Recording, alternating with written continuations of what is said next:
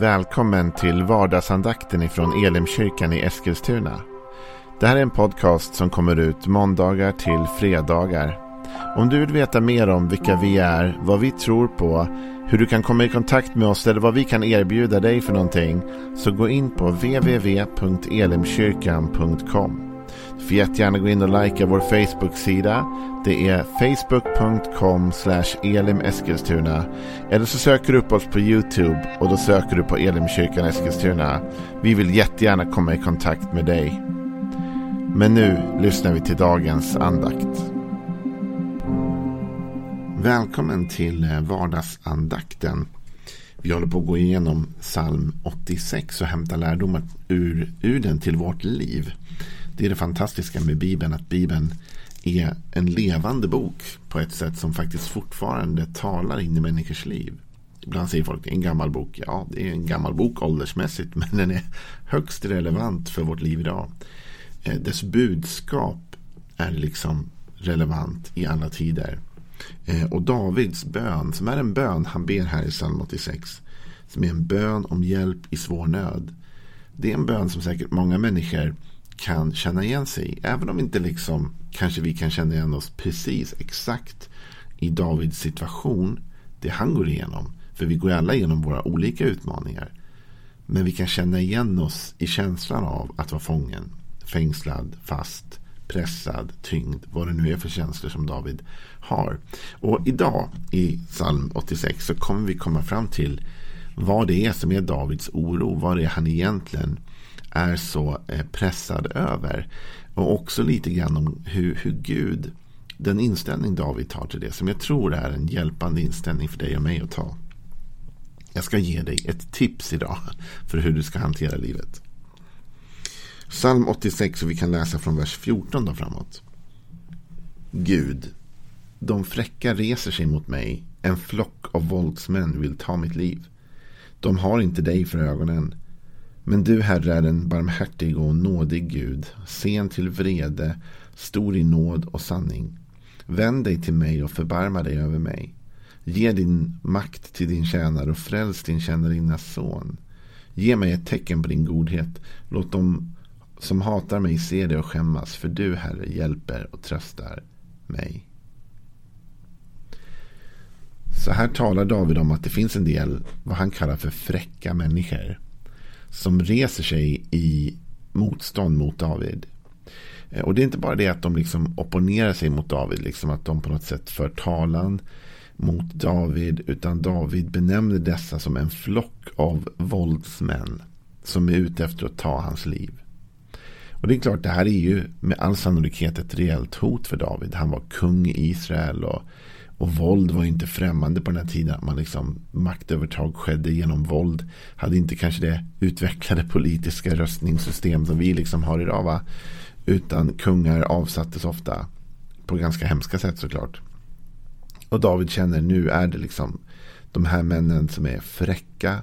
Det innebär att de, är liksom, de tar till eh, oschyssta medel, eller hur? De, de, de är inte sådana som play fair, liksom, utan de, de här är de som hittar på fräcka sätt att agera. De har också tendenser av våld. Och de vill få bort David genom att ta hans liv. De har inte dig för ögonen. Med andra ord, det här är inte gudfruktiga män. Det här är inte män som har satt Gud på någon pedestal alls. Utan tvärtom. Men vad händer då? Jo, det är det jag vill komma till idag. Vad är lärdomen då av Davids bön? Jag tänker mig så här att om jag hade varit David i en sån pressad situation. Där jag faktiskt kände att det var människor som på riktigt var ute efter att ta mitt liv. Och som var fräcka och som inte drog sig för våld. Ja, då hade man varit väldigt stressad, uppjagad. Och man hade säkert bett liksom Gud, du måste liksom få bort de här människorna, slå ner de här människorna, vad som helst. Gud försvara mig, hjälp mig. Alltså alla de här. Och det är en bön om hjälp. Men jag fascinerades av när jag läser den att David inte ber Gud att liksom attackera de här människorna.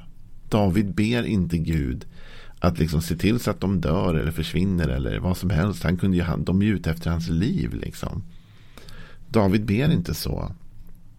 Han säger så här. Men du Herre är en barmhärtig och nådig Gud.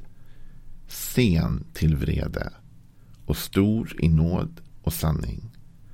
Vänd dig till mig och förbarma dig över mig. Så otroligt fascinerande.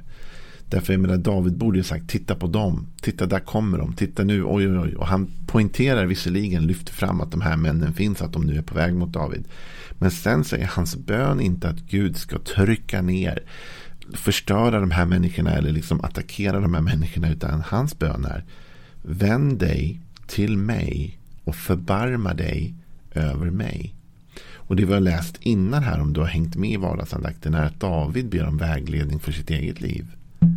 Så David är mer fokuserad på vad Gud ska göra i hans liv än i hans fienders liv. Hur Gud ska krossa hans fiender på något sätt. Varför? Därför lyssna. David vet någonting om Gud. David har lärt känna Gud. David har lärt känna att Gud är barmhärtig och nådig. Att han är sen till vrede. Att han är stor i nåd och sanning. Och det innebär tror jag att när David ser på den här konflikten som har uppstått, de här männen som reser sig mot honom. Så vet han någonting om hur Gud kommer att agera. Han vet att Guds första instinkt är inte att gå till våld. Guds första instinkt är inte att trycka ner eller hugga, attackera. Utan Guds instinkt är att möta med barmhärtighet och nåd. Att hålla igen sin vrede så länge som möjligt. Att vara stor i nåd och sanning. Det där säger någonting till dig och mig om vårt liv idag. Vet du vad? Gud ser de problem vi hamnar i. Han vet vilka jobbiga situationer vi är i. Han vet om vi har en konflikt på vårt arbete eller om det är andra saker som har hänt och vi känner oss attackerade på olika sätt. Det kanske inte är liksom ett hot om våld i vårt fall men, men det är i alla fall så att vi känner oss pressade, stressade, jagade, vad det nu är. va. Vi känner att vi har folk som är ute efter oss och vill inte vårt bästa. Och det är bara att inse sanningen om livet att det är så. Det finns en del människor i ditt liv och säkert i mitt liv också här som, som inte har mitt bästa för ögonen och inte har ditt bästa för ögonen. Men Gud är inte främst ute efter att lösa konflikten genom att trycka dit de människorna. Utan Gud är främst ute efter att komma med nåd och barmhärtighet. Att hålla igen vrede så länge som möjligt. Jag tänker mig att om vi hade varit i en situation där vi rådfrågar Gud om en konflikt. Och så säger vi nu Gud har vi en konflikt här. Hur ska vi göra? Ska vi, ska vi ge igen? Ska vi hoppa på dem? Ska vi? Så hade Gud sagt håll igen er vrede. Håll igen vreden så länge som möjligt. Jag fattar också precis som du att det finns situationer i livet där konfrontation är oundvikligt. Och där vi måste möta människor på ett visst sätt. Men Gud, han håller ut den där lösningen så länge som möjligt. Hans första lösning heter nåd. Hans lösning heter barmhärtighet. Han har en annan väg ut ur konflikten. Och det är det jag tror David ber om här. Jag tror att man skulle kunna formulera om Davids bön att säga ungefär så här. Gud, visa mig hur jag tar mig ur den här situationen utan våld, utan bråk, utan en större konflikt. Visa mig en annan väg. Och David har erfarenhet av det för att vet du, i Saltaren i det fjärde kapitlet där, den fjärde salmen så säger David så här. Svara mig när jag ropar min rättfärdighetsgud. När jag är trängd ger du mig rum. Förbarma dig över mig och hör min bön. När jag är trängd ger du mig rum. Det är folkbibeln säger så. I Bibel 2000 som en annan bibelöversättning så står det. Svara mig när jag ropar Gud, du som skaffar mig rätt. Du öppnar vägen när jag är trängd. Du öppnar vägen när jag är trängd. Visa min nåd och hör min bön. Så Gud öppnar en ny väg. Ibland så tror jag att du och jag känner så här när vi hamnar i olika situationer. Att vi ser bara en lösning, eller hur? Och ofta är den lösningen ganska jobbig. Vi tänker oss nu blir det konflikt. Nu kommer våldsmännen. Nu kommer problemen. Nu, blir det, nu kommer det bli fysiskt. Nu kommer det bli det här och det här. Va? Det finns bara ett sätt att möta de här fräcka våldsmännen på. Men David har insett någonting. Han har insett att Guds vägar är inte våra vägar. Och att det säkert finns en annan väg ut ur det här. Så hans bön mot Gud blir mycket mer. Visa mig. Förbarma dig över mig Gud. Ge mig makt, absolut. Och fräls din tjänare. Så han talar om att Gud du måste rädda mig. Men jag tror han vet att Gud brukar öppna en väg. Det finns säkert något sätt att stilla den här konflikten innan det blir våld. Det finns säkert något sätt att, att stilla ner detta, att lugna detta. Det finns någonting jag inte har sett än. Och det är det jag vill säga till dig i den här vardagsandakten idag. Vilken situation du än är i. Vilket problem du än har. Du har säkert en tanke om hur det här ska lösas. Men vet du, Gud har också en tanke. Och om vi litar på honom så kommer han visa oss en väg. Han kommer skapa rum för oss, ge oss utrymme. Han kommer öppna vägen när vi är trängda. Gud har alltid ett sätt att föra oss igenom. Gud har alltid ett sätt att ta sig igenom som bygger på och som är i linje med hans karaktär. Vilket är nåd och barmhärtighet. För Gud, Gud kommer inte lösa din situation med våld. Det är inte hans sätt att agera. Han vill lösa din situation med nåd och barmhärtighet och godhet och kärlek. Och det kanske du tänker, det går aldrig att lösa min situation på ett lugnt och fredligt sätt. Men ge Gud chansen. Gud tycks alltid hitta en dörr, en väg igenom för dig och för mig.